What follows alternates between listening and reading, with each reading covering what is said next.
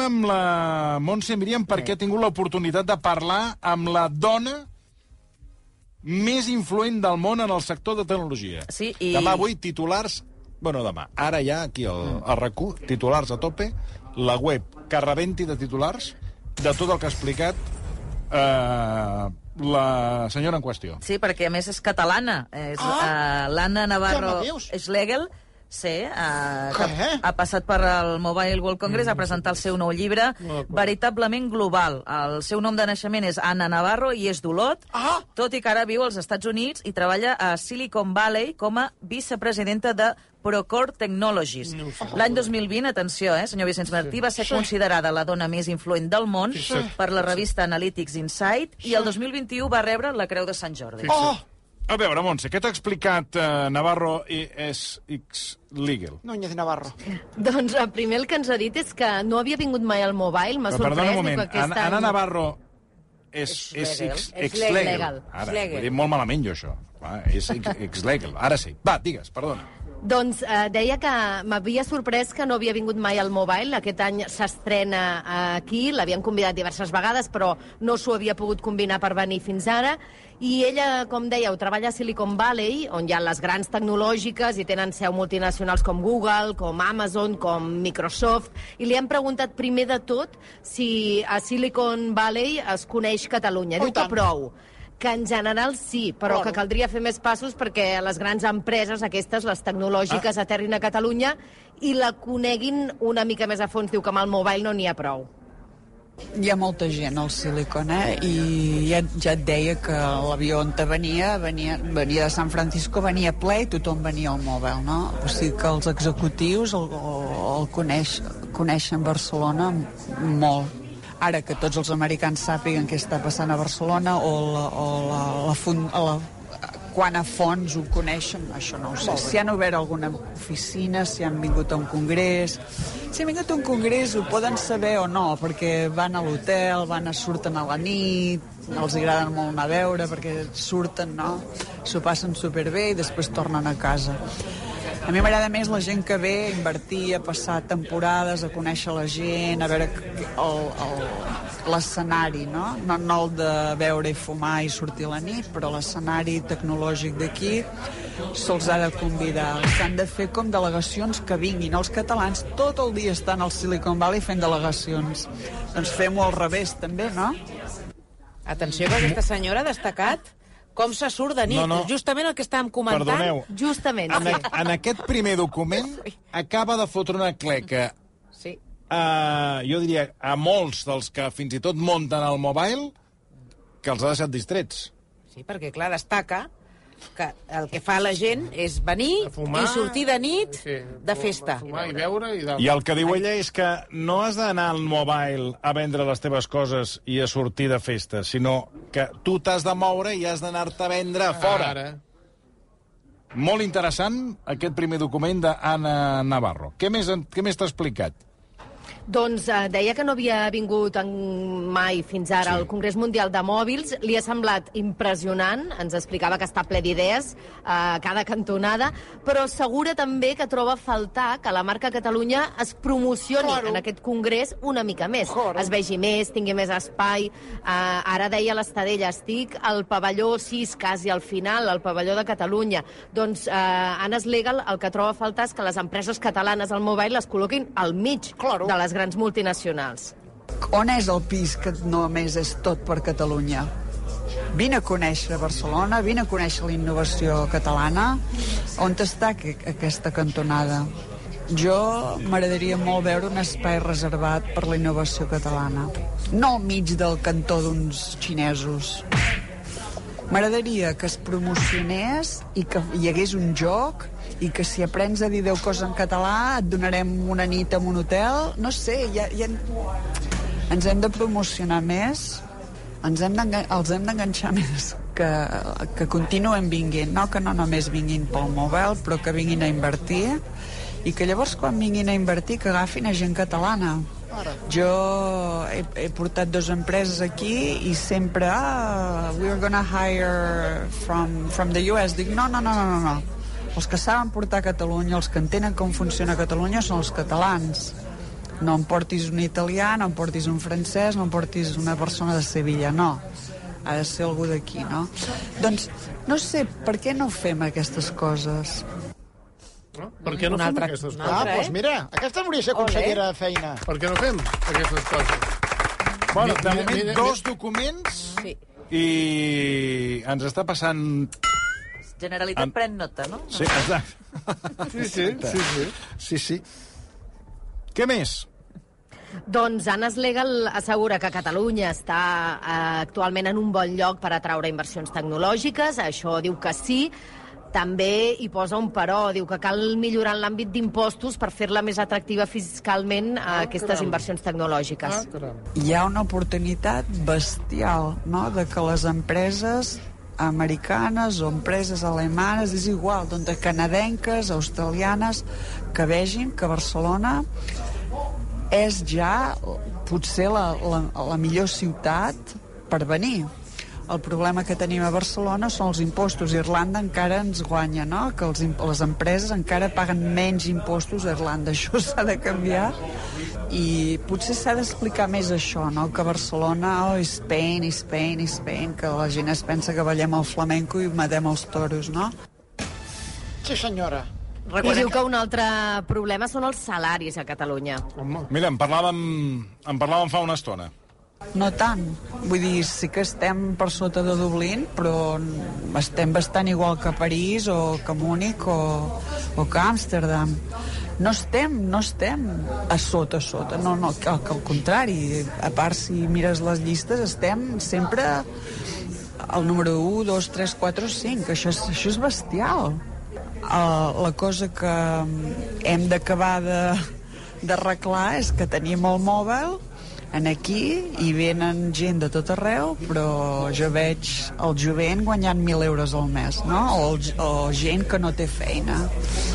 Doncs a veure, va, què fem, no? Hi ha com una discrepància molt forta. Recordem amb qui estem parlant. Recordem que estem parlant amb uh, Anna Schlegel, que ha concedit aquesta entrevista a rac és la dona més influent del món en el sector de la tecnologia uh, catalana i uh, que treballa a Silicon Valley com a vicepresidenta de Procore A versió Technologies. RAC1 ha dit, eh? Aquesta senyora de les influències catalana dient les pures veritats, a versió RAC1, eh? Que després no hi hagi en altres mitjans de comunicació o altres franges de d'allò, sí, sí. que se pierde sí, dónde viene sí. esto. Ara. Obliden, aquí, eh? sí. ara. I ho ha buscat, qui ho ha buscat, Sí, això? Però ja, jo, però si ja ho, sí. ha, ho ha dit, que, Sí, que, sí, que Bueno, ha bueno. Per donat... tant, ha dit recordem aquí, que ha on dit, eh? estic jo, eh? A versió, on, al mateix lloc on jo estic també. Recordem que ha dit que, el, que Catalunya és prou atractiva però que no s'està fent prou perquè la gent vingui a invertir aquí, no només a, al mobile, sinó a, a fer inversions, que tenim el talent però que se li paga poc, se li paga molt poc i per això la gent marxa, eh, marxa fora, i eh, que en el mobile Catalunya hauria de tenir més presència i Jo està entremig de les grans marques. Finlàndia o així, em sembla. Eh? Treballar allà. Jo aniré a Finlàndia. A fer què? Sobretot vostè, que és un treballador Sí. nat. Bé, um, ara anem amb... Parlem de més qüestions, de les dones. Sí, perquè Anas Legal també és un exemple de, de lideratge femení. Està entre el 2% de dones executives als Estats Units, que això es diu ràpid. Eh, com ha viscut ella aquesta bretxa de, de gènere? Li hem preguntat, eh, molt interessant el que explica, diu que sobretot ho va passar malament quan era més jove, ara ja porta 30 anys batallant en un sector i en un camp fortament masculinitzat, i ja té prou carrera. Slegal diu que quan era més jove doncs, ho passava malament, que tenia problemes a l'hora de conviure amb el càrrec i admet que se sentia sola en molts moments, que no trobava dones per buscar complicitat. També ha explicat que la bretxa de gènere es fa més gran a mesura que ha anat assumint noves responsabilitats. Quan ets més jove en veus el 20%, 30% de les dones, llavors vas pujant 25%, 20%, 15%, 10%, i ja quan ets a dalt, doncs el 2%. I busques i mires qui és l'altra dona. I el 90% de les vegades l'altra dona voldrà ser amiga teva i a vegades no volen ser, perquè volen ser l'única dona dalt, no? I per això he començat tantes ONGs de Women in Technology, Women in Localization, perquè jo no vull ser l'única allà dalt. No m'agrada ser l'única dona i busco les amigues i els hi dic així és com pujareu a dins de la vostra empresa, no? I una de les ONGs que vaig començar, vam començar amb 50 i ara tenim 17.000 followers, no? I de, no sé, hem donat feina a mils de dones, hem entrenat a mils de dones, estem a 30 països i això és una de les coses que estic molt orgullosa de fer, no? Eslegal treballa en en aquests diferents projectes per ajudar les dones a ocupar càrrecs de direcció, atrevir-se a fer-ho, i també és crítica. Eslegal diu que a vegades són les mateixes dones les que victimitzen el fet de ser dona i ocupar un càrrec de direcció. Hi ha molt poques dones a dalt i les preguntes són però treballes molt, eh? Però tu veus els teus fills? Però, a veure, s'ha de canviar perquè a mi m'encanta la meva posició, m'encanta on t'he arribat, m'encanta la meva trajectòria, si no, no ho hagués fet. M'entens? I eh, de la manera que parlem a les dones executives és, és bastant malament. Tens temps per tu? Esclar que tinc temps per mi.